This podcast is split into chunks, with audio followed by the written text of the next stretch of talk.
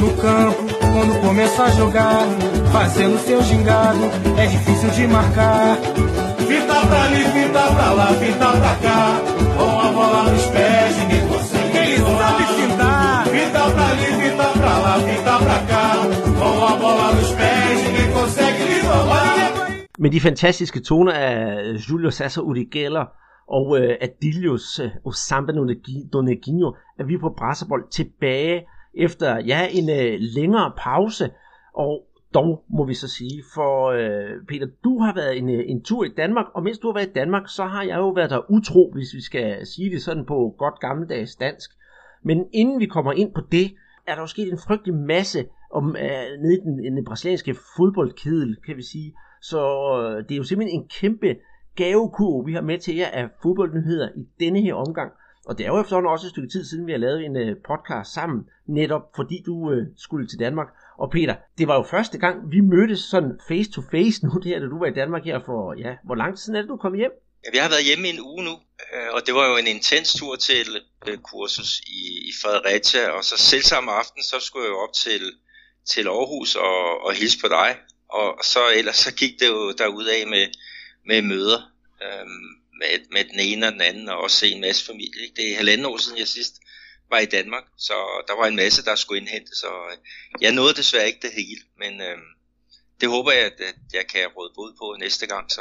Men det var jo helt fantastisk, at, øh, at nu har vi jo snakket sammen på den her podcast i, ja, i mere end to år, ikke? og så fandt man ud af, at du også havde en ryg, og du havde ben og alle mulige ting. ja. øh, det, det, det kan man jo ikke se på, på en skærm. Nej, det er, jo, det er jo det, der er så interessant, og i den sammenhæng, der kan jeg da fortælle, at der var en, der kom og sagde til mig, Nå, det i aften, du skal mødes med Peter? Det bliver rigtig spændende. Øh, det bliver jo fuldstændig ligesom sådan en blind date, og jeg håber for jer, at det ikke går galt. Og det kan vi så sige til jer nu, det, det gjorde det ikke. Vi fik snakket en øh, masse fodbold, øh, også lidt om, om fremtiden, og ja, i det hele taget, så var det jo bare rart, netop, at vi kunne mødes og så få et eller andet fælles fodslag, og så nyde alle de der ja, guadanarer og fadøl, som vi har lovet hinanden igennem tidens løb i, i, i diverse vedemål. Og i den tid, øh, som du har brugt i Danmark, Peter, der har vi jo sådan prøvet at ligge, vi har ikke ligget på den lade side, det kan vi bestemt ikke sige, men der har vi holdt vores podcast sådan lidt i bero. I den tid, der har jeg også været en tur i, øh, i Odense, hvor jeg var ude og besøge stemmer fra Ådalen. Så hvis der er nogen af jer derude, som øh, ikke har fulgt sådan helt med på Brasserbold i, i, i, i den her sidste måned tid, så smut ind forbi Stemmer for Ådalen, hvor vi har lavet endnu en, jeg kan sige, endnu en Bechata special. Fynboerne, de vil jo have endnu mere at vide om, øh, om vores gode ven Bechata og hans tid i Odense. Og der var det jo oplagt, jeg tog ned og snakkede med Martin Davidsen og om ja, Bechatas tid i OB set med, med OB-briller, og jeg havde de øh, brasilianske briller på.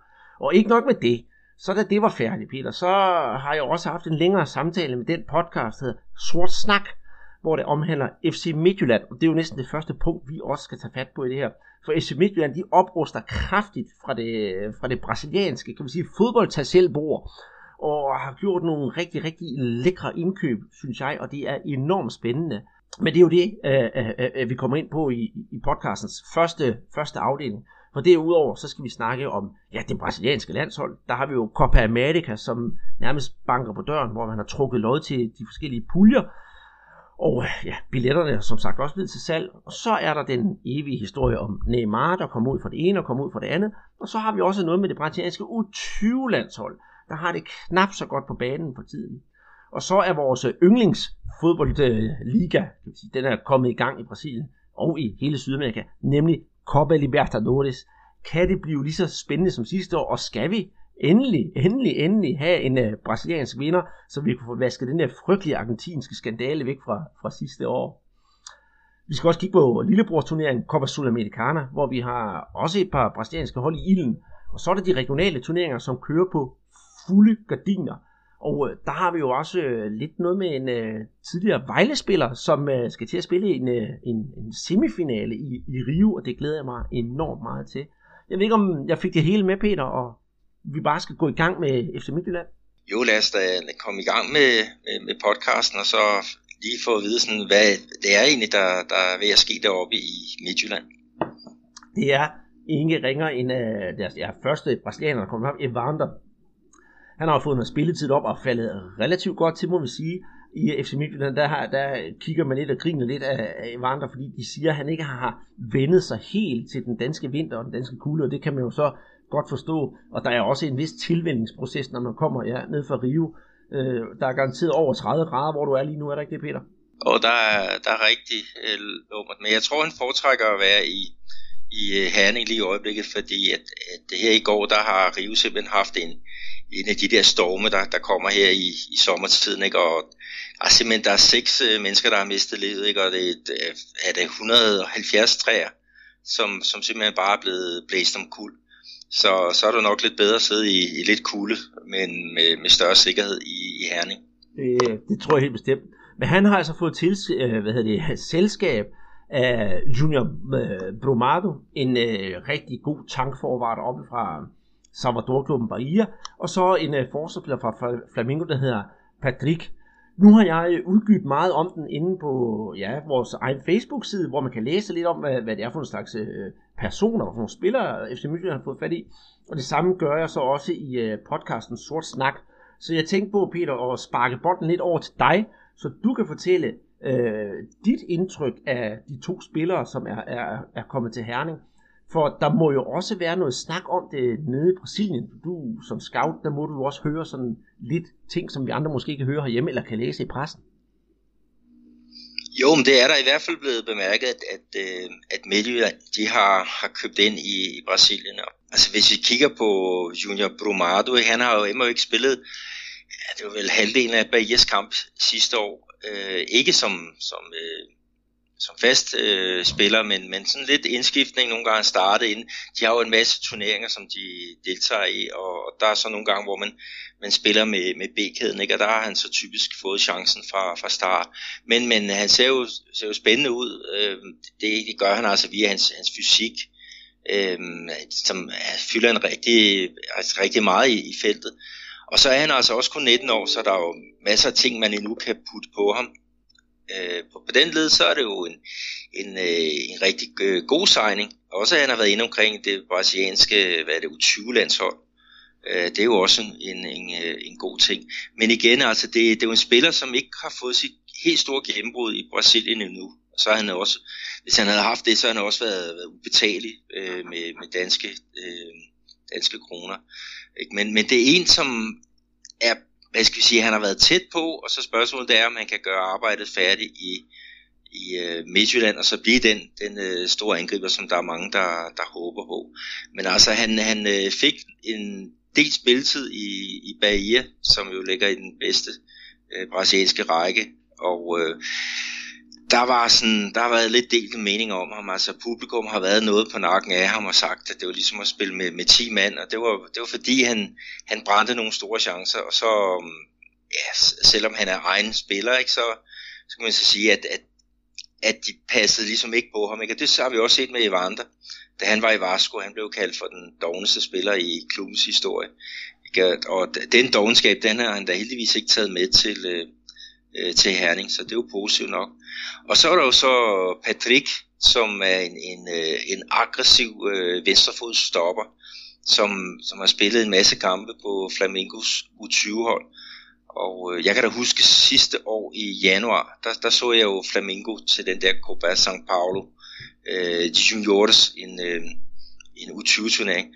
Og øh, han spillede på et fantastisk godt hold øh, som, som fløj derud af og endte med at vinde turneringen.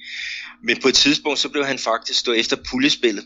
Øh, der blev ham og seks andre spillere, de blev kaldt øh, hjem, fordi de skulle spille en enkelt kamp for, for A-holdet, altså det professionelle holdet i den der hedder Tata Guanabara, altså den, den første turnering om, om Rio-mesterskab, ikke? og der spillede han fuldtid. Ikke? Så det er jo også en øh, tegn på, at han, han, øh, han havde en, en del tillid der. Øh, han, det var så bare ledet af hans stopperkollega, han var så også øh, en, en rigtig dygtig spiller, dansers, og ham har de altså valgt at satse mere på i forhold til Patrick, ikke? og så, så var det jo så passende at sende ham på ja, et andet sted hen, ikke? hvor han kan, kan udvikle sig og forhåbentlig også give nogle penge i kassen til, til Flamengo på, på længere sigt. Men, men øhm, i hvert fald så synes jeg, at, at de her signings, som, som Midtjylland er kommet med her, altså det er på klart en, en højere hylde, end vi har set tidligere, og det er, altså det er jo unge hvad hedder det, talenter. Så det er jo ikke nogen, der er færdigudviklede Superliga-spillere. Altså, den nærmeste, det er vel Evander. Men de andre, de må så komme, når de har, har lært sig, øh, hvordan man spiller i, i Danmark. Og det er jo også, jeg har hørt din, din snak med Bichata der med stemmer, stemmer fra, fra Odalen, ikke? og der kommer han netop også ind på Bicharter. Selvom det er lang tid siden, at der er stor forskel på at spille i Brasilien og spille i, i Danmark. Altså den der meget, meget mere fysik. Ikke? Men når man køber sådan nogle unge spillere, en på 18 og en på 19, så må man også sige, så er de måske også bedre til at blive præpareret til den slags fodbold, vi spiller derhjemme, end en, der måske er 28 år og, og har svære ved at, at, at omstille sig.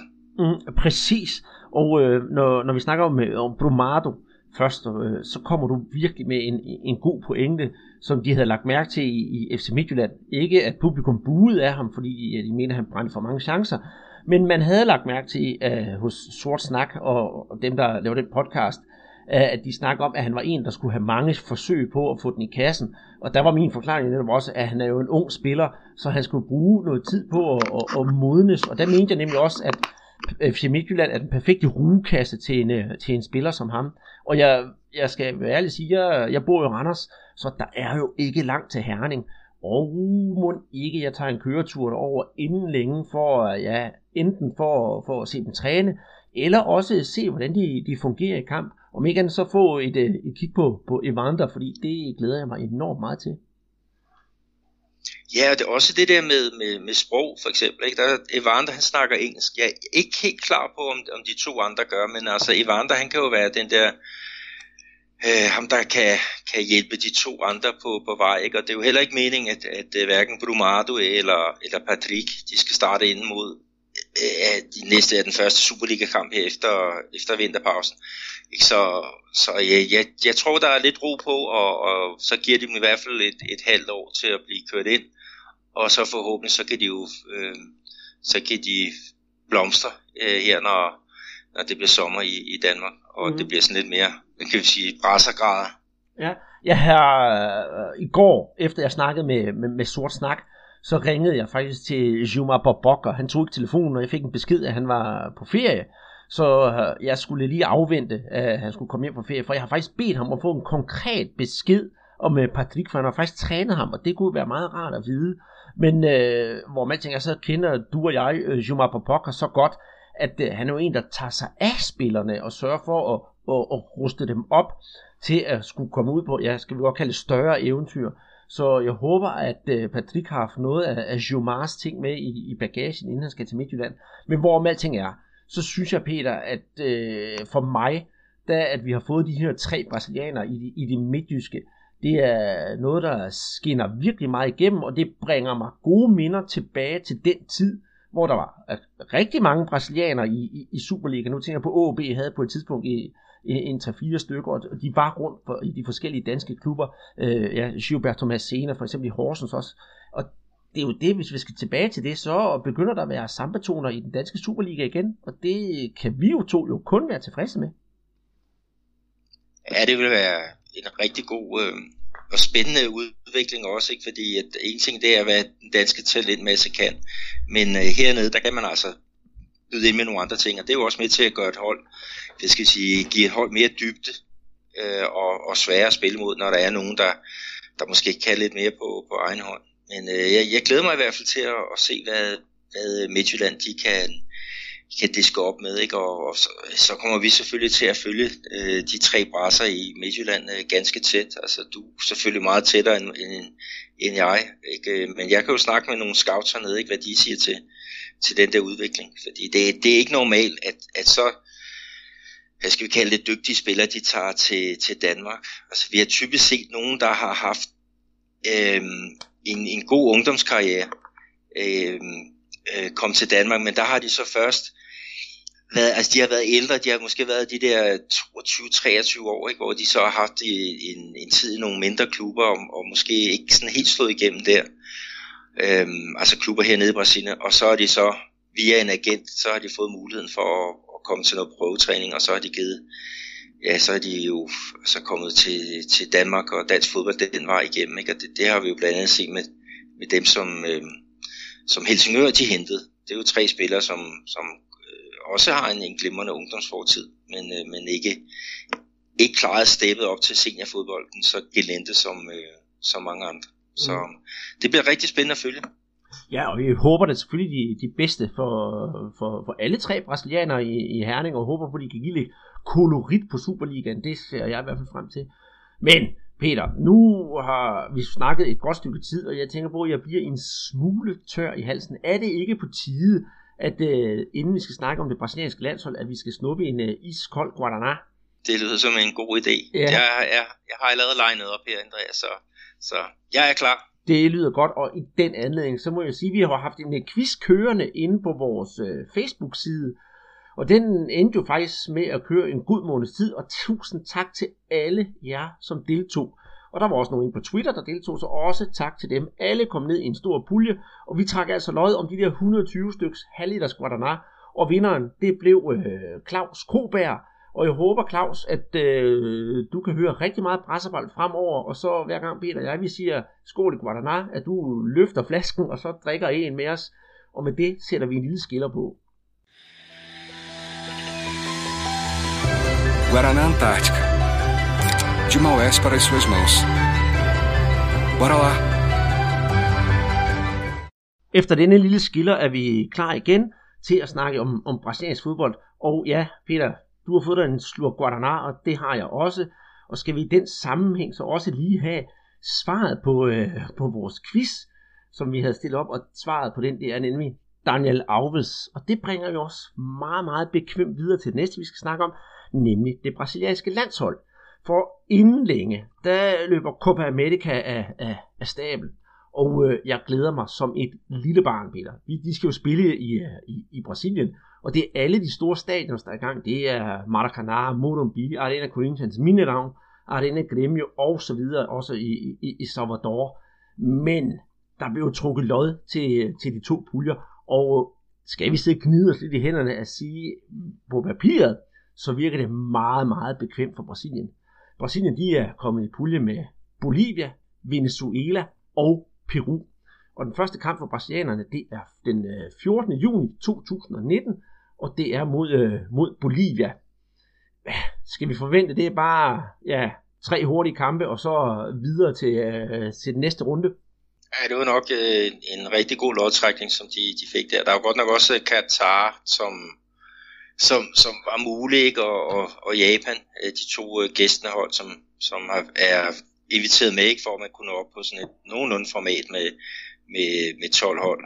Øh, men, øh, men jo, det, det er en rigtig god, god start, og de ligger ud på, på det her rigtig fede stadion Murumbi. Det er gamle stadion, ikke? Som, som jeg i hvert fald elsker at, at komme på. Og så i kamp 2, så skal de en tur til hvad hedder det, øh, lykkestadierne øh, øh, i, øh, i Salvador. Den der hedder Arena Fonchinova, hvor de skal spille mod Venezuela. Øhm, og så slutter de så af med en pullekamp mod Peru øh, i, i, tilbage igen i São Paulo, det er så Arena Corinthians. Så, så det ville være, altså de, de skal jo gå videre for den der, og det er jo også et, et mesterskab, ikke, hvor at de to bedste hold fra, fra hver af de tre puljer går videre, ikke, og så de, de to øh, bedste træer. Så det ville være meget, meget underligt, hvis der ikke står, øh, ja, hvis Brasilien ikke er med ved ingen af de her kvartfinaler øh, til, til den tid. Men, øh, men rigtig, rigtig fint, og jeg, altså, du glæder dig, øh, og jeg glæder mig også øh, rigtig meget. Vi er fedt at følge øh, også forberedelserne op til øh, her. Altså nu er der kommet igen nogle nogle problemer ikke i forhold til Neymar er, er ude med en, med en skade. Han er øh, 10 uger ude med et brud på akkurat samme øh, knogle som, som her sidste år. Øhm, og øh, det betyder blandt andet, at han misser den testkamp, som de har mod Tjekkiet her i slutningen af, af marts måned. Ikke? Så, så lad os se, hvad, hvad træner Chichi han han kommer op med øh, øh, nu og her. Ikke? Altså, det kan jo være en fordel, at han, han ikke skal opereres, men, men øh, vi, vi må jo må krydse fingre for, at han kommer hurtigt tilbage. Jamen, det håber jeg da også, Peter, fordi øh, og hvor man ting er, jeg, jeg elsker at se Neymar, når han virkelig får lov til at, at, at, at folde sig ud på den bedste vis. Men i og med, at han er, han er så blevet slagtet to gange på den måde, og han er kommet galt af sted og brækket den samme knogle to gange, kan det være et tegn på, at øh, nu tager alle driblerne over en kamp, og ikke kun Neymar, for jeg ved, at der findes en haters derude, men generelt, at man måske ikke beskytter driblerne nok, eller er det bare driblerne, der skal til at sadle om og så sige, at vi skal slippe bolden noget hurtigere, i stedet for at, at, at lave det, folk gerne vil se? Det er jo et rigtig godt spørgsmål. og Debatten den ruller jo også hernede, ikke? og der er jo også, ja, altså, der har lige været en undersøgelse, der har afsløret, at, øh, at alle folk vidste, at Neymar er suverænt mest populær fodboldspiller i Brasilien. Øh, men ja, trods de ting, han, han nu laver, ikke? Alle det der pling pling, og ja, han har jo lige fyldt 27, ikke? Og det blev jo fejret også på, på, på en måde, som, som folk blev lidt, lidt sure på. Øhm, med en masse celebrities og, og, og affarvet hår og sådan nogle, nogle ting. Ikke? Og det må vi bare sige, det, det tænder nogle folk af på. Men, men øh, den der diskussion med, med, med driblerne, at, at øh, øh, altså om, om de bliver det der jade vildt, øh, og at, at øh, faktisk så er der ikke plads til, til, til typer som, som Neymar øh, fremover. Det er jo så spørgsmålet. Og det kan vi også huske med, med Garincha, den, den der helt store dribler, som også måtte ja, stoppe på grund af, at ja, knæet ikke øh, ville mere. Ikke? Men han fik jo også rigtig mange tests dengang. Ikke? Det, Neymar får jo mindre tæsk, end han gjorde, fordi reglerne er blevet, blevet hårde. Men, men også at den der tanke med, når du har haft det der brud samme sted to gange, begynder du så at ændre adfærd. Begynder du at drible mindre. Begynder du at slippe bolden hurtigere. Altså, det bliver jo rigtig spændende at se, hvordan han kommer tilbage. Om han kommer til at lave de der justeringer i sit spil. Altså efter nogle, nogle gode råd. Ikke? Eller om han overhovedet kan det, ikke? om han bare kører på, hvad skal vi sige, det rå instinkt Øh, det der med, at han bare elsker at snyde en, en modstander, uanset om det er bare en banehalvdel, eller, eller derinde i strafsparkfeltet. Øh, men, men altså, jeg håber da, at, at man be, altså, virkelig begynder at kigge på det der med, med driblerne, hvordan man, man beskytter dem. Ikke? Og så må man så også omvendt kigge på det der med, med, med film. Øh, fordi det er jo mange folk, der vil sige, han er selv udenom det. Han kunne bare lade være med at filme, ikke? for at gå hårdt til ham på grund af det. Øh, det kan der selvfølgelig være en pointe i, men, øh, men der, der er i hvert fald to, to øh, sider af den sag, som man skal kigge på. Altså beskytte driblerne, men samtidig også øh, straffe dem for, for film. Mm, jeg er, øh, jeg er da fuldstændig, jeg er fuldstændig enig, og det er virkelig en, øh, en, en, en varm kartoffel at, at bringe op. Men ja, altså nu, nu så vi jo Vinicius Junior, da han spillede for Flamengo han dribler også en del, men det er måske også på, lidt på, på, på en anden måde, og han synes jeg ikke rigtig, han blev, blev slagtet. Så det er måske også mange gange måden, man gør det på, fordi folk, de, nu siger du det der med, at Neymar godt kan lide at drible på egen bane, at man bare skal snyde folk på en hver pris, og folk synes nogle gange, det, det er fedt, men det er jo totalt ydmygende for spillerne. Så ja, det er en, en længere snak. Det kunne være, at vi skulle tage den på et andet tidspunkt, Peter, fordi vi har også et, et tid, vi skal holde her i, i, i podcasten. Og apropos dribler, så må der også være nogen på det brasilianske U20-landshold, som for øjeblikket spiller de sydamerikanske U20-mesterskaber. Brasilien møder ja, her i, i aften ved dansk tid, midnadstid, øh, Ecuadors U20-hold på udebane. Men det er jo ikke lutter lavkage for det brasilianske U20-hold. De øh, hænger jo faktisk i, i en tynd tråd, og det er jo næsten ved, at man kan skrive fiasko for dem i de sydamerikanske mesterskaber. Ja, det, øh, det er ikke gået særlig godt, og det er faktisk ikke første gang, at at øh, det sydamerikanske landshold, det, det kikser ved de her øh, sydamerikanske mesterskaber. De er jo kommet til, øh, ja, det, der er også en grundspil, hvor de kom videre til øh, det, der hedder finalespil, og det er sådan en sekskants, sekskants turnering. Og der lagde de ud med, med 0-0 med Colombia, og så tæver de 2-0 til Venezuela, og så her i den sidste kamp, så tæver de så 3-2 øh, til Uruguay. Det betyder faktisk, at de, ja, de har ingen chance for at, at blive mestre, og her med to runder igen, så kræver der altså maksimum point, før de har en mulighed for at kvalificere sig til, til VM i Polen senere i år. Og øhm, det er de fire bedste, der, der går videre, ikke? og de har, jeg tror det er tre point op til, til fjerdepladsen, som netop er Venezuela. Men de har haft store offensive problemer. Øhm, indtil de scorede mod Uruguay, der har de haft 400 minutter, over 400 minutter, uden en, en scoring i det, vi kan kalde øh, åbent spil. Og, og det er jo ikke noget, der er, er særlig brasiliansk. Det er i hvert fald ikke det, vi forventer af det. Og øh, da vi så den der kamp mod øh, Venezuela, hvor de taber, der er Rodrigo, som øh, er turneringens helt store øh, spiller, eller burde være det, ikke? ham som Real Madrid har betalt øh, 45 millioner euros for, han, han øh, ser direkte rødt for, for en hævnagt øh, kort før tid. Og øh, han har godt nok scoret et, et par mål og, og lavet nogle gode aktioner, men der har været langt mellem snapsene, og, og øh, at, at de ikke kan levere mere på den offensive del, det kan man også tilskrive Rodrigos øh, ja, lidt sådan apatiske tilgang til, til den her turnering. Mm. Og det, det er synd, men øh, det er jo stort pres, der ligger på hans skuldre, ikke? Og, og hvis vi vender hvad det, to år tilbage, Andreas, til U17 øh, VM, ikke? der var der jo en spiller, som, som strålede helt vildt og gennembrudte et, et hvert forsvar. Det er jo vores gode og kære ven Vinicius Junior, som virkelig får lov til at, ej, får lov til at folde sig ud for alvor i, hos Real Madrid, men øh, er begyndt at, at, at, at spise kirsebær med de store. Ja, det er jo det, ikke? Og han fik jo sit helt store gennembrud ved den der Copa São Paulo øh, øh for, ja, det er i 2017, ikke? Og så satte han virkelig stempel på det, da, da, da, da, der kom til de, de sydamerikanske mesterskaber. Der lå han på den ene fløj, og så Paulinho, der i Leverkusen, lå på den anden fløj. Og så inden centralt, der lå øh, Lincoln øh, og, og, og scorede en del mål fra, fra den der position. Ikke? Men, men øh, Paulinho, han er også holdt hjemme i Tyskland. Øh, han er ikke blevet frigivet. Og øh, Lincoln, der, han, han startede inden, men, men har ikke fået de, de samme arbejdsbetingelser, som, som han havde med de to øh, rigtig gode kandspillere. Og man vil bare sige, at, at øh, reserverne, de har ikke været, været dygtige nok. Øh, øh, så det, det er jo sådan det, vi kan, kan slutte af, af det her. Ikke? Men øh, der er meget, der, der tyder på, at Brasilien de kommer til at misse slutrunden i Polen, og det er da et eller andet sted en skandale. Det er, det er helt rigtigt, men nu må du så rette mig, Peter, her. Nu, nu tager jeg den sådan lidt for hoften, men er der ikke også noget med, at der engang var et uh, ungdomshold i Brasilien med, med navne som for eksempel Felipe Coutinho, som gjorde det simpelthen elendigt, og så viser det sig så, at senere, trods det, de gjorde det elendigt i den kop, lige pludselig begynder at stråle. Så, øh, så man kan også bruge det her som pejling og så sige, ja, det kan godt være, at de ikke kvalificerer sig, men det er jo e-, ens betydende med, at vi ender med at få en generation af brasilianske fodboldspiller, som flopper.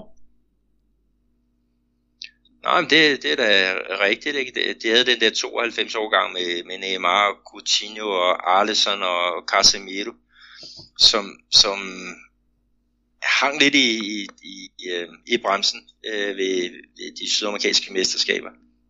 Men, men, øh, men derfor så må man bare sige, hvad, hvad er der af, af, af dygtige spillere på det her hold? Ikke? Der er jo Luan Candido fra, fra São Paulo, Venstrebakken, som er med på en liste over de, er det de 60 mest talentfulde i, i, i hans årgang.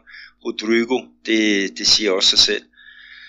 Øhm, altså der er nogle, nogle, nogle dygtige spillere på, på det der hold, men de har bare ikke fået det til at, at fungere. Øh, men derfor så kan de jo godt være individuelle, fantastiske øh, spillere, og, og vi ser jo også øh, brasiliansk ungdomsfodbold, når der er VM i øh, for U17-hold, i blandt andet øh, i Madrid. Ikke? Der har jo Palmeiras øh, været fantastisk dygtige. Øh, São Paulo har jo også vundet Copa Libertadores for, for U20-hold øh, her, og, og har eksporteret en masse David Neres, øh, Ajax, Altså, der, der, er bare så, der, der er rigtig meget talent, øh, men, men det påvirker øh, de fodboldinteresserede folk hernede, når de kan se, at deres landshold de ikke præsterer på, på, på ungdomsniveau.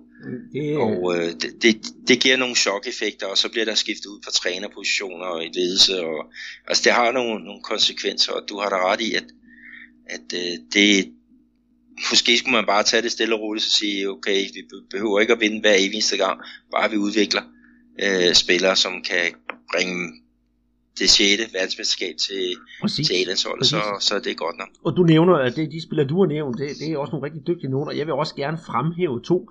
Øh, Flamingos forsvarsspiller Mateus Duler, øh, som jo som sidste år spillede rigtig, rigtig mange kampe for, for Flamingos A-hold han er altså også en, en rigtig, rigtig god forsvarsspiller med virkelig meget potentiale.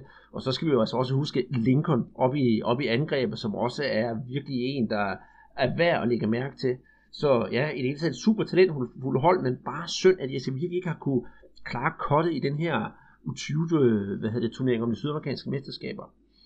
Men og vi kan lige tage med, Andreas, også, at, at, at tilbage til, til Midtjylland, altså der, der er jo 17 landsholdet, de, de vandt øh, det sydamerikanske mesterskab på suveræn vis. Ikke? Der var det jo med Patrick, som, som ja, han var med den trup, altså sammen med Vinicius Junior og Paulinho og Lincoln og hvad de ellers øh, hedder. Men han fik så to kampe øh, i, i den turnering, så han var jo ja, reservespiller, ikke? men alligevel øh, også hans hele ungdomstid ikke? i Flamengo, der har han jo spillet sammen med, med, med ja, Vinicius og, og, og de der drenge. Så det er jo også et andet øh, øh, gode tegn på, at knægten han kan noget. Det er, det er rigtigt. Og nu når vi også snakker om andre, øh, det brasilianske landshold, der, der, der kigger lidt, så skal vi kigge lidt på en anden turnering, Peter. Og det er den, kan vi kalde det, den, den set udefra, øh, tag selv bord, altså det er virkelig faktisk selv slik inden for øh, potentielle nye øh, landsholdsaktuelle ungdomsspillere, og hvem skal til udlandet osv., osv., nemlig den, der hedder Copinha, eller Copa do São Paulo de Juniores. Øh, du har jo set den live rigtig, rigtig mange gange, set mange forskellige kampe, jeg har så fulgt med, med i den på, på, på tv, øh, sådan rigtig, rigtig hurtigt, vi har jo snakket om før, kan du ikke fortælle, hvad det er for en størrelse, hvis man ser det med øh, ja, scouten eller agentens øje? Er det det der store sig selvbord, som, som jeg lige fremlagde det som?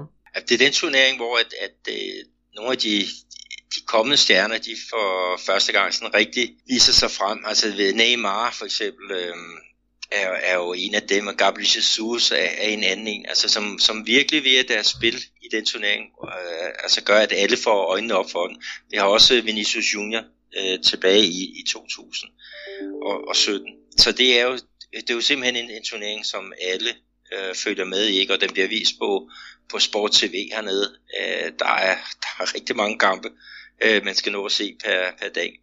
Men øh, nu er den så blevet spillet igen, ikke? og det er jo og mange er det, det er jo altså alle delstaterne, altså 26 delstater og et federal, federalt distrikt, som, som kommer med. Det er ikke selvfølgelig flest hold fra, fra staten øh, St. Paul, ikke? og så er det jo bare delt ud på, jeg tror det er 32 puljer ikke? med fire hold i, i hver. Og øh, vi har jo tidligere snakket om det med nogle hold, der, der strandede, fordi at det er noget længere, end, end de havde regnet med, og ikke havde penge til, til flybilletten hjem. Øh, men øh, men nu, nu er det i hvert fald blevet spillet færdigt, og vi fik jo en, en jeg skal sige, en gammelkendt vinder i, i selve São Paulo, Futebol Clube. Ikke? De vandt over Vasco. Øh, 2-2 blev den ordinære spilletid, og så gik de i straf på, på 3-1. Men hvad er det topscoren øh, på turneringen? Det var en fra São Paulo, Gabriel Novais, ikke? og øh, altså, han er jo allerede i Europa nu. Det er han, og han er blevet købt ind til, eller kommet til Barcelonas B-hold. Er det, øh, er, det ikke, er det ikke lidt tidligt, han er kommet til, Peter? Eller mener du allerede, det på nuværende tidspunkt, at han skal over? Skal han ikke, skal han ikke modnes lidt? Jeg var bare glad for, at fint nok, vi har fået endnu en, øh, en, en, en spiller til Europa. Men jeg kan ikke lade være med at tænke på, om Gabriel Novaes, han måske bliver den nye Douglas Baggio. Forstår mig ret, fordi Douglas Baggio var også et kæmpe talent her for en 3-4 år siden. Og han er nemlig nærmest blevet, blevet glemt nu. Men øh, Novaes, ja, super talent. Men hvad synes du? Ja, altså de har gjort det, at de har lejet ham øh, halvandet år ud til, til, til Barcelona. Og, og så må vi så se, hvad der sker. Der er en option på 5 millioner euros, øh, som de kan, sådan, hvis de vil sikre ham. Ikke? Og de tænker lidt på, hvordan de, de kan få bygget ham op. Fordi det, det er heller ikke dårligt for nogle brasilianske spillere at komme til Europa og, og, og blive sådan, hvad skal vi sige, indsluset i den europæiske øh, spillestil. Men selvfølgelig, altså, når der bliver købt så mange spillere ind, så er der også nogen, der vil, vil, vil misse. Ikke? Og, og vi har jo også set her i år, ikke, at Felipe Viseu, som netop kom fra, fra Flamengo og var et kæmpe talent, øh, han er nu tilbage i brasiliansk fodbold efter et år i Udinese, som, som ikke helt øh, gik, som man, man øh, håbede på. Ikke? Så, så det, det er sgu svært at, at, at spå om. Øhm, Casemiro, ikke? Han, han var jo også i São Paulo, og kom så på en lejeaftale til, til Real Madrid's øh, B-hold var det. Og så blev han så lejet ud til Porto, ikke? Og, og, og tænkte engang, hvilken spiller, der, der er kommet ud af det. Så, så det, det er jo svært at sige, om det er godt eller skidt, det må, må tiden vise. Men øh, det viser i hvert fald bare, at, at folk til den her turnering, de rykker hurtigt. Altså hvis de kan se, der er noget talent, så er de store klubber, de er, de er ude med den store øh, pengepunkt for at, at sikre sig øh, det her potentiale. Det kan jeg da godt forstå. Altså, hvem vil ikke være det? Og det er jo bare ens betydende med netop, som jeg siger, at det er jo simpelthen øh, e-, e-, et, et, et for dem, der skal se, noget, se på fremtidens fodbold og komme ned og deltage i den turnering. Og netop også lidt sjovt, at den bliver sendt på national tv, altså øh, hvor tit øh, bliver Jørgen Kop, eller hvad så noget hedder, sendt på dansk tv. Aldrig nogensinde. Det gør det altså dernede, fordi det er simpelthen omdrejningspunktet for, hvad for nogle spillere skal vi se i, ja, for, eksempel, for den skyld allerede i år, og til næste år og året efter. Og det er rigtig sjovt at se de kampe. Det er ikke kedelig fodbold, det skal jeg også øh, hilse at sige. Og jeg har også siddet og set et par kampe, også med måske sådan lidt ubetydelige hold, og der er i hvert fald langt de fleste, er der underholdningsværdi. Og apropos underholdningsværdi, så oppe i, uh, i, i Manaus, en klub deroppe fra, fra Amazonas, der blev underholdningsværdien sådan lidt ekstra stor. For der var det jo sådan noget med, der var noget øh, narkohaløjse involveret. Var det ikke det, Peter?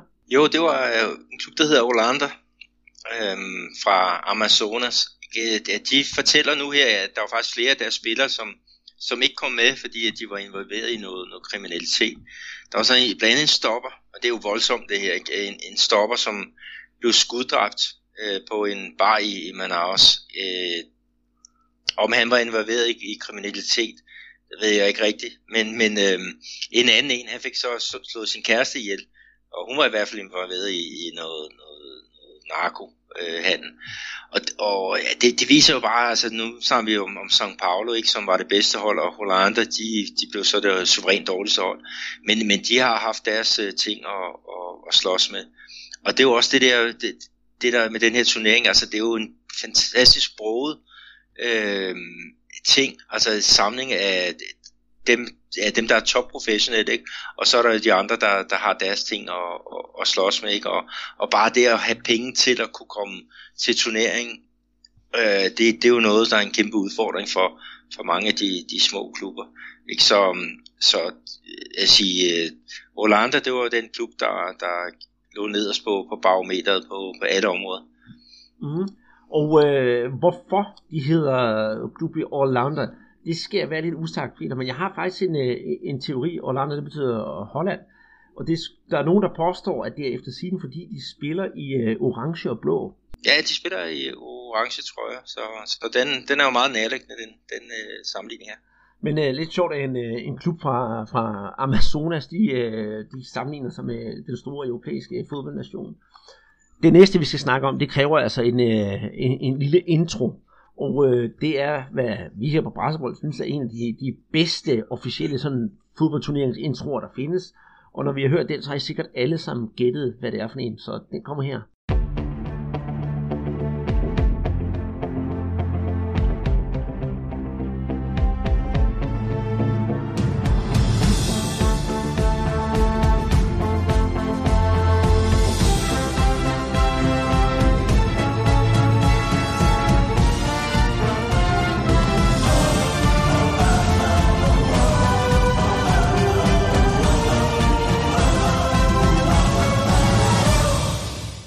Det var jo selvfølgelig hymnen til Copa Libertadores turnering, som Peter og jeg, vi elsker, og sidste år havde. og det er jo selvfølgelig sagt med et glimt i øjet, da det var jo som sagt to argentinske hold, der stod i finalen, og hvad dertil hører, det er jo en lang historie. Men nu har skriver vi 2019, og turneringen er altså gået i gang igen, og vi håber selvfølgelig på, at der kommer to brasilianske hold i finalen. Indtil videre, så er der gået i gang i kvalifikationsrunden, og der er det jo altså gået knap så godt. Vi har São Paulo, de mødte, mødte øh, Dajeres og tabte 2-0, hvilket man nok må sige var noget af en, øh, en nedtur. Det andet hold, der har været i aktion, af dem, der spiller hjemme på din terrasse til daglig, Peter, det er nemlig Atletico Mineiro. De spillede øh, 2-2 på udebanen mod øh, Danubio, og hvis vi nu tager den kamp først, for du skal se returkampen, øh, forventer du ikke bare, at Atletico Mineiro, de øh, klasker Danubio på, på hjemmebane, og så går videre i turneringen, fordi hvis man kigger sådan rent på papiret, Danubio, ja ja, det er et, øh, et hold, der regelmæssigt er med i Copa Libertadores, men det er jo langt fra så succesfuldt som uh, Atletico Mineiro.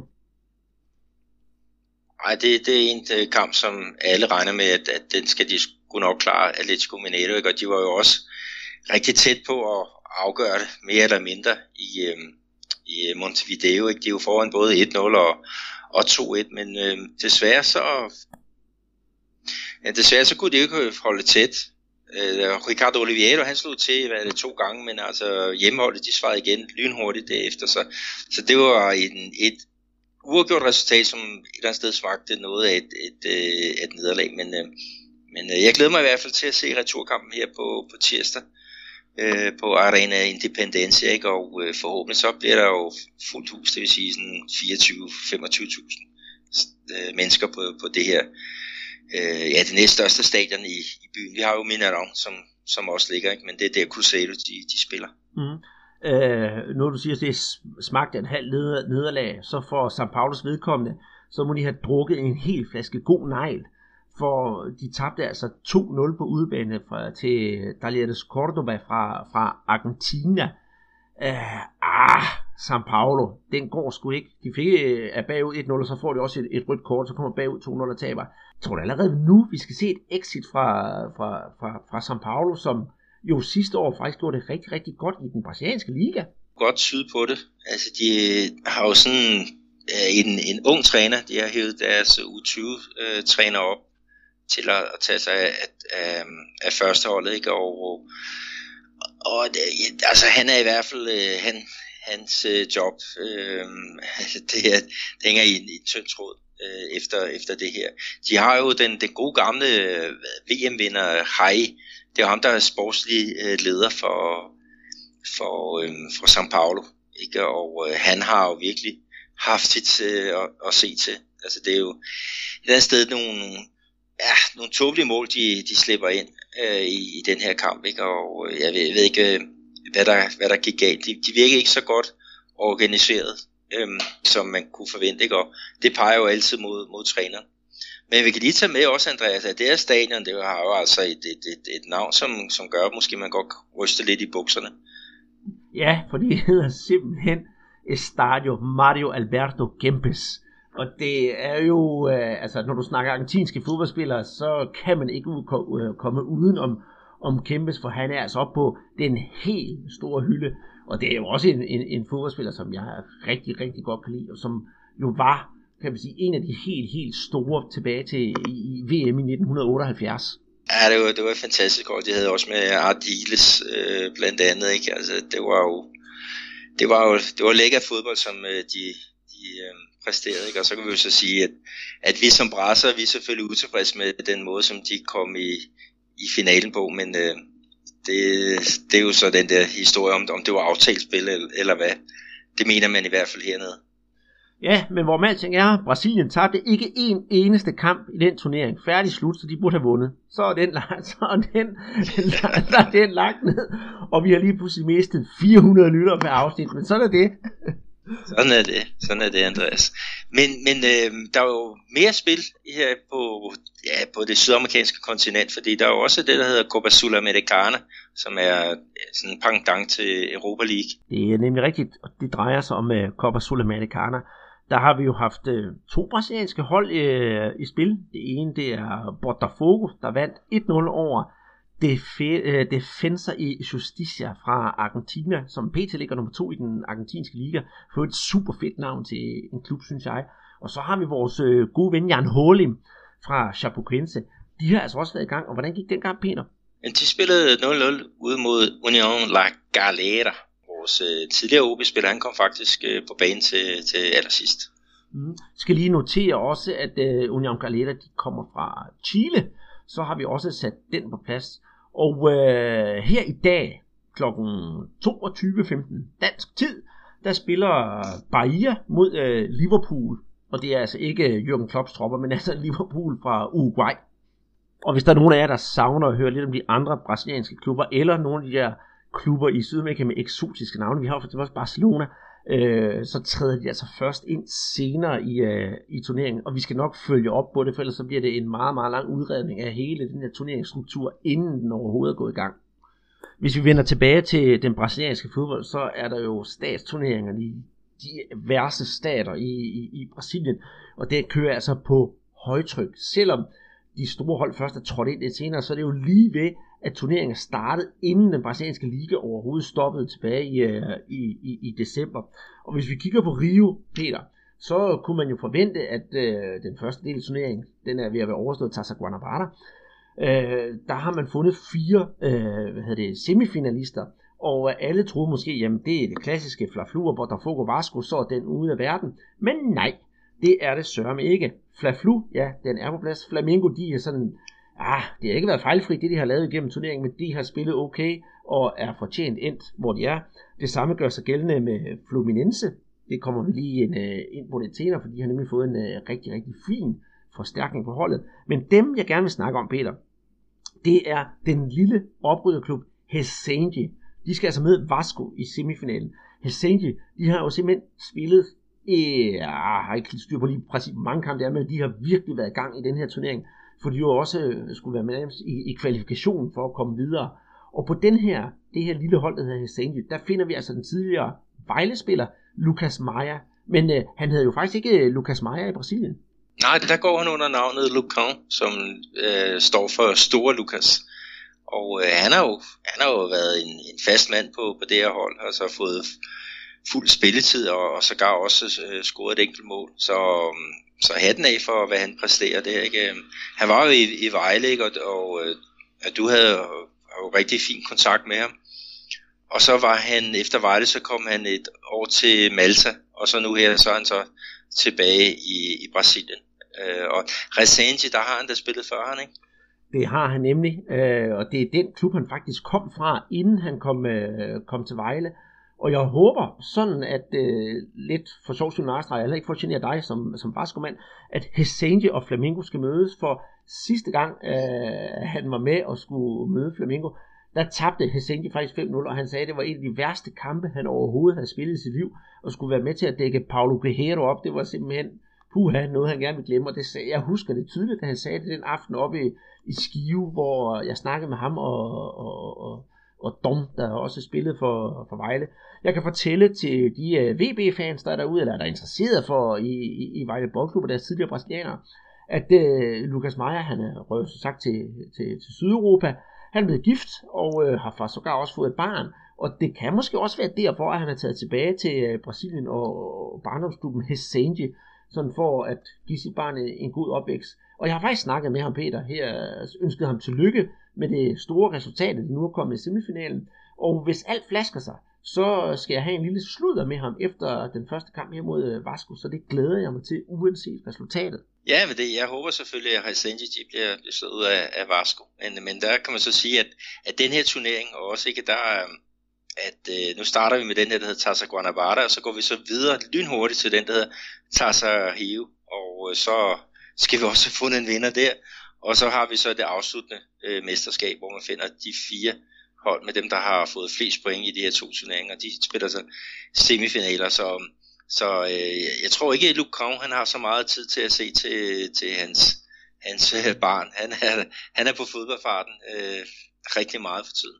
Ja, og man må håbe på, at han får virkelig god succes hos uh, Hesenji. En anden, der trænger til lidt succes, uh, det er Fluminenses nye signing. En spiller, som vi to holder rigtig meget af, Peter, nemlig Paulo Henrique Øhm, den klassiske tiger, øh, ikke meget fart over feltet, men øh, eminent teknik og eminent overblik. Inden vi fordyber os i, i, i Ganso, så har han jo ikke haft det så synderligt godt i de steder, han har været. Og jeg kunne godt tænke mig lige sådan overordnet at spørge, sådan bringe det ud, nu spørger jeg dig, er, er, er, er fodbolden, er den forpasset til, at man har en klassisk tiger?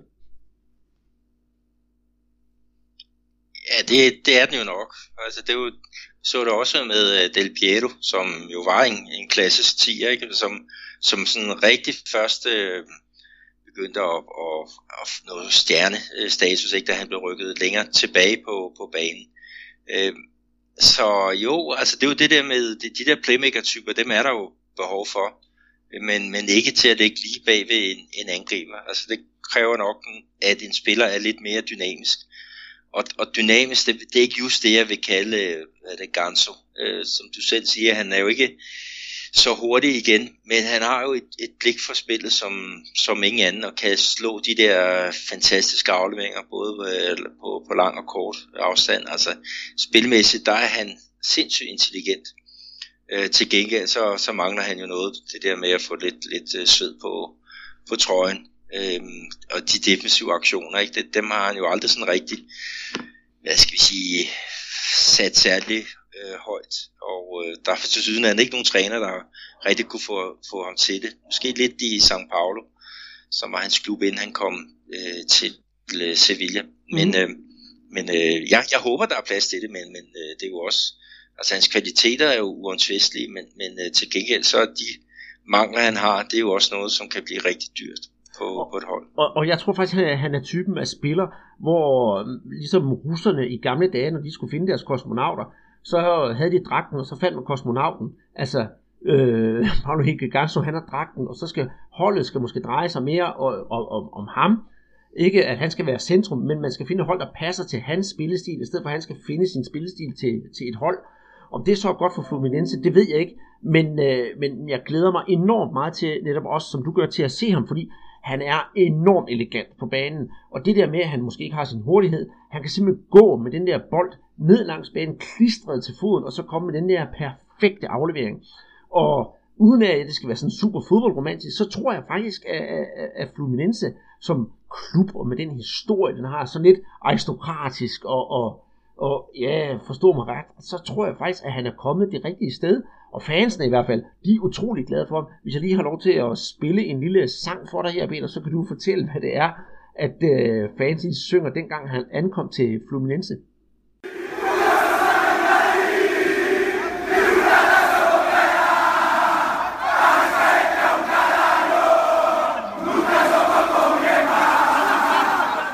Ja, hvad synger de? De synger jo Ganso, han, han, han kommer hertil, og mange øh, pokaler vil jeg vinde. Øh, Arrascaeta, er, han er en øh, bip, bip, bip, bip. Han har aldrig spillet med Neymar. Og så er det Ganso, ole, ole, ole. Det er sådan, den, den, øh, den, den kører, den her øh, sang. Og, og hvis folk de ikke ved, hvem øh, Arascaeta er, så, så er han playmakeren for, for Flamengo, altså ærkerivalerne. Han har jo lige skiftet fra, fra Cusero øh, til, øh, til Flamengo. Så, så de mener, at de er ovenpå, i hvert fald øh, med, på playmaker-position i forhold til ærkerivalerne. Så nu må vi se, om, om det bliver om det er rigtigt eller ej. Og så den anden historie, det er jo, at øh, Paulo Henrique Ganso, han spillede jo sammen med Neymar, dengang de spillede i Santos. Og det bringer jo minder og have tilbage til den der eminente 5-4 kamp med Flamengo Santos, hvor der simpelthen var et hav af stjerner på banen. Netop hvor øh, Ganso og Neymar har et fremragende samspil. Og det, hvis, hvis vi kan få den Ganso tilbage, det vil simpelthen være ufattelig smukt. Men Peter, vi skal ikke øh, fordybe os i, øh, i fodboldromantik og, og Ganso i gamle dage, men vi skal sådan øh, lidt videre her i, i statsturneringen. For øh, ja, øh, hvad med hjemme hos dig i, i Minas? Jo, men der er vi i, fuld gang. Vi har den, øh, det indledende puljespil, ikke? og, og øh, top 3, det er jo America, Cruzeiro og så Atletico Mineiro. Ikke? Så, så det er et eller andet sted, som, som det skal være. Og øh, jeg tog faktisk selv ud og så Atletico spille øh, her i lørdags mod Guarani øh, fra Divinopolis. Ikke? Og det blev en sikker sejr på, på 2-0. Og øh, jeg vil så sige, at, at øh, det var jo en, en speciel kamp på, på mange områder.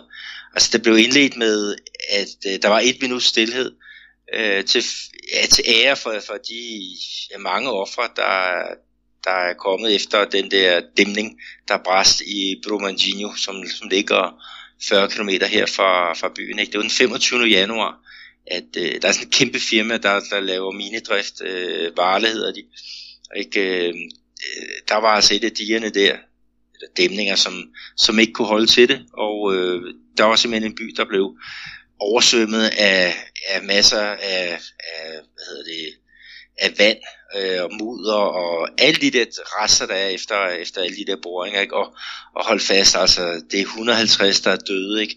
det er 182, der er forsvundet. Altså, og nogle af dem, de ligger altså nede, altså øh, man har nogle specielle apparater, hvor man kan prøve at søge efter øh, personer, ikke? Som, som ligger måske 20, øh, 20 meter nede i noget, noget, noget mudder. Ikke? Altså det er jo en, en frygtelig tragedie. Og det skulle de har så også øh, hedret øh, de mange redningsfolk, som har, har sat deres liv på spil for at få, få reddet så mange som, som muligt. Ikke? Øh, de har simpelthen et, en, øh, en plads på deres trøje, hvor de hvor de hyldede de her bomberos, som, som de bliver, bliver kaldt. Øh, men selve kampen, men, men selve kampen, den endte med, med 2-0 til, til, øh, Atletico, og, og ja, det var, det var en, en, en suveræn øh, præstation første halvleg. Den, den var allerede afgjort ved, ved pausen. kan jeg så sige, at Atletico, de har jo så solgt deres bak Emerson til Barcelona for godt 12 millioner euro, og, og jeg vil sige, sige afløseren Guga, som de har hentet i Avaí, han ser altså fantastisk øh, godt ud. Og så lige en anden ting for romantikerne.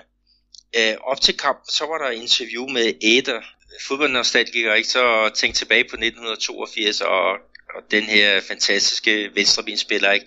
der bare kunne sparke til en, en bold, som, som ingen andre laver et sindssygt flot mål mod, øh, mod Rusland er det på, på en flugtning og laver et, et øh, meget, meget elegant lop mod, mod Skotland, tror jeg det er. Øh, en rigtig playboy-type, øh, som vil passe fint ind i den der bog om, om fodboldsvinderen, som, som du og, og Jakob jo har, har anmeldt noget så, så fint. Men, men det var altså 39 år siden, han debuterede for Atletico Mineiro, og det blev så, det blev så hyldet for. Han indgår i den øh, tekniske stab for, for den her klub, og og også øh, råder de der sådan lidt øh, uvågne angriber. Øh, der har han haft fin succes med at, at få nogen guide ind på den rigtige plads, fordi et, øh, at han havde selv et, et meget, meget hissigt øh, temperament, og det, det er der også nogle af de unge fyre, der har. Øh, men, men de stoler på ham, og han laver et fantastisk godt øh, stykke arbejde for, mm. for Ogalo, som de hedder, hanen. Mm.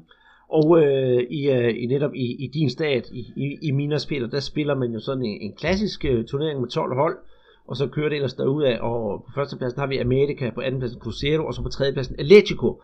Det er der ikke så meget at sige til, men jeg synes lige inden vi går videre til São Paulo, at vi skal nævne en øh, gammel kending af, af os, og faktisk nogle af vores øh, gode venner, nemlig URT, União Recreativo dos Trabalhadores, Øhm, for dem, der går det altså ikke særlig godt. De ligger på 11. pladsen med to uafgjorte og to nederlag. De har dog en kamp i hånden i forhold til for eksempel Amerika og de andre.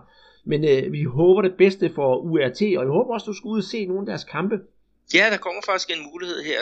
Øh, det er faktisk om et, øh, i weekenden er det, fordi der kommer de til, til byen og skal spille mod Amerika Mineiro på Independencia. Den, den regner jeg med at tage ud og se.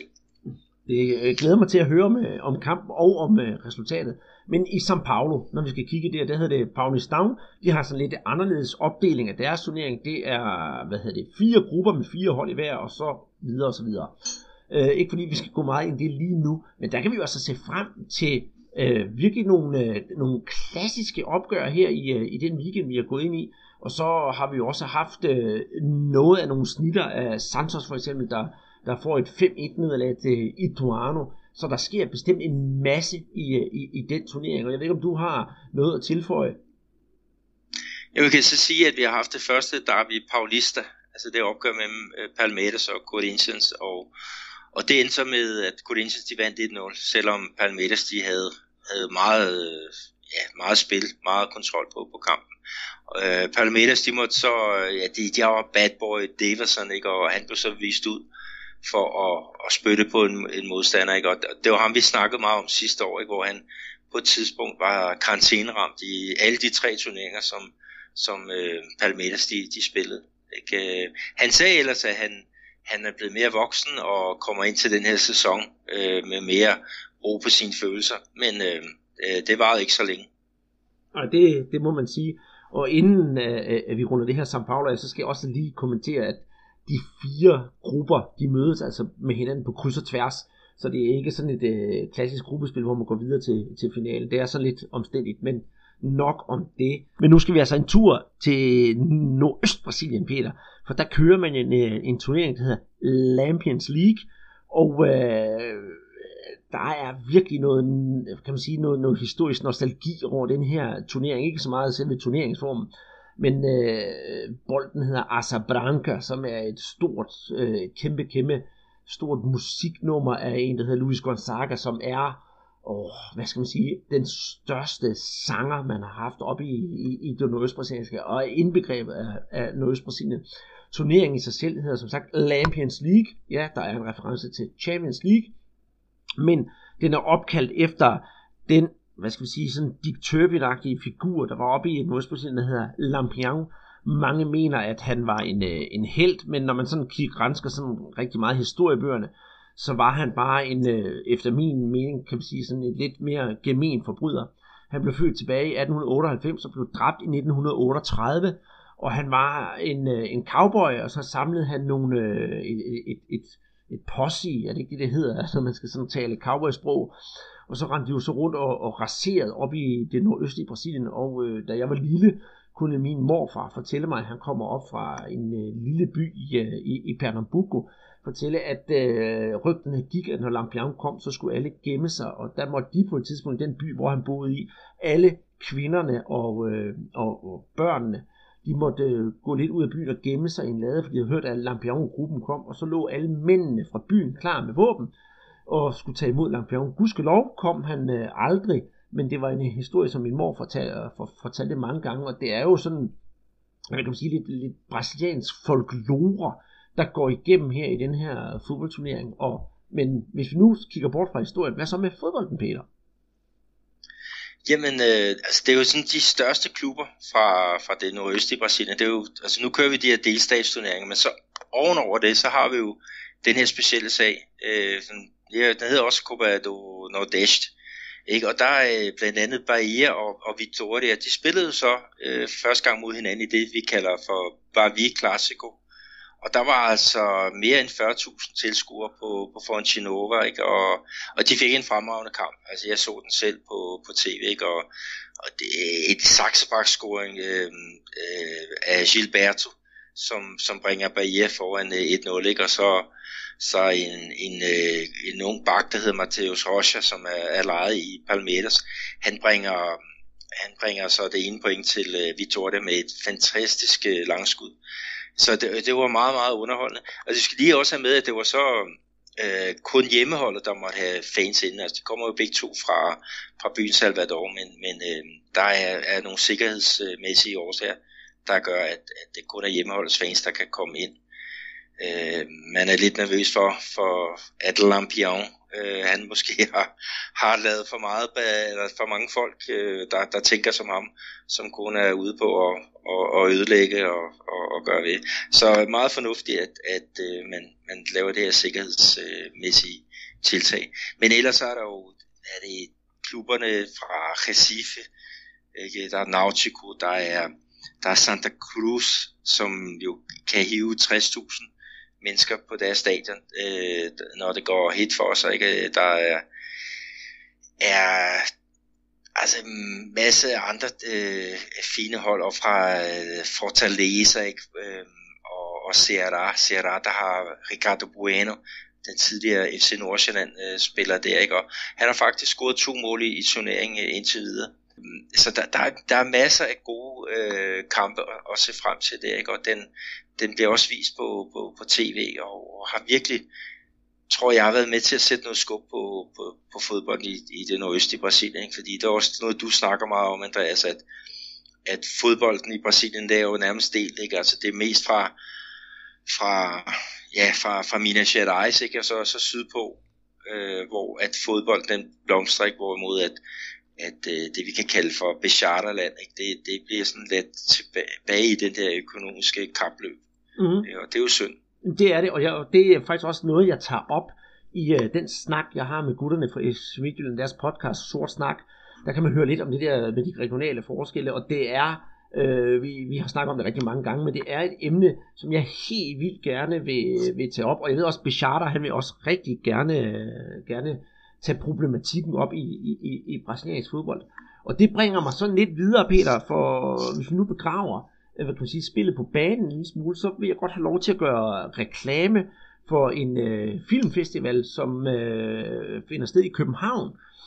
Øh, og det gør den fra den 7. til den 10. marts 2019, og det er den filmfestival, der hedder Shoot, der handler om øh, film, der, der, ja, der selvfølgelig drejer sig om, øh, om, om fodbold. Og hvis jeg lige læser op fra, fra deres hjemmeside, den er lidt øh, spartansk indtil videre, men der skal nok komme et program, så står der, Shoot Copenhagen Football Festival leverer et hattrick og er i vores tredje udgave tilbage med fire dages festival fra den 7. til den 10. marts 2019, proppet med fodbolddokumentarfilm fra hele verden. I år har vi temaaftener om Brasilien, Spanien, ligesom vi også kommer forbi Ecuador, Sverige, England og Frankrig. Og øh, en af dem, der er med til at lave den her filmfestival, det er historiker Svend Rybner, som har lavet nogle fremragende podcasts om VM i fodbold, og er, er, er virkelig en, der, der går op i sagerne. Og ham har jeg altså snakket lidt med, og der kommer forhåbentlig øh, en 3-4 brasilianske fodboldfilm på den festival. Og øh, hvis alt flasker sig, så er jeg at finde på den festival og skal holde oplæg om et øh, par af filmene. Og det glæder jeg mig utrolig meget til. Jeg kan desværre ikke fortælle, hvilke film det er endnu, men må ikke der går et par dage, så falder det helt på plads, og så kan man se inde på programmet på shootfestival.dk, hvad det er for nogle øh, film, der kommer. Og øh, det skal nok blive rigtig, rigtig godt, og jeg glæder mig til at, at, at, at komme lidt øh, af samba-fodbold humør til Shootfilmfestivalen her om en lille måneds tid. Og med en øh, anbefaling af Shootfilmfestivalen, så runder vi brasserbolden af for denne gang. I næste uge, der har vi uge 7, og øh, hvis jeg øh, får gjort mig rigtig umage, Peter, så skal jeg se, om jeg kan få vores OB-podcast ud. Men skulle det, det ikke ske, så holder vi altså lige en, en uges ferie næste uge. Men, men, men, men, så gå dog ind og hør den podcast for Sort Snak, hvor vi snakker om de to øh, brasilianere, der kommer til Herning, for det er altså langt mere dybtegående, end hvad du og jeg har snakket om nu, nu Peter, og det kan vi kun anbefale. Og med det, så siger jeg, Andreas Knudsen her i Danmark, og Peter i uh, Brasilien, tusind tak for denne her gang. Husk at gå ind på iTunes og give os nogle stjerner derinde, det vil vi blive rigtig glade for. Så kan vi jo komme længere op i det uh, fodboldhierarki med, med, med de forskellige podcast. Skulle man have lyst til at støtte os, så kan man gå ind på tier.dk, og ja, og så er der jo altid vores Facebook-side, hvor øh, vi eksploderer med, med nye likes og, og, og, og nye synes godt om. Det er jo rigtig, rigtig godt. Og vores Twitter-profil, der kommer vi også med daglige opdateringer, og med det håber vi på, at I alle sammen får en rigtig god brasiliansk fodbolduge her i næste uges tid, og måske får set noget brasiliansk fodbold, hvem ved jeg. Tusind tak for denne her gang, siger jeg, Andreas Knudsen og Peter Arnhold.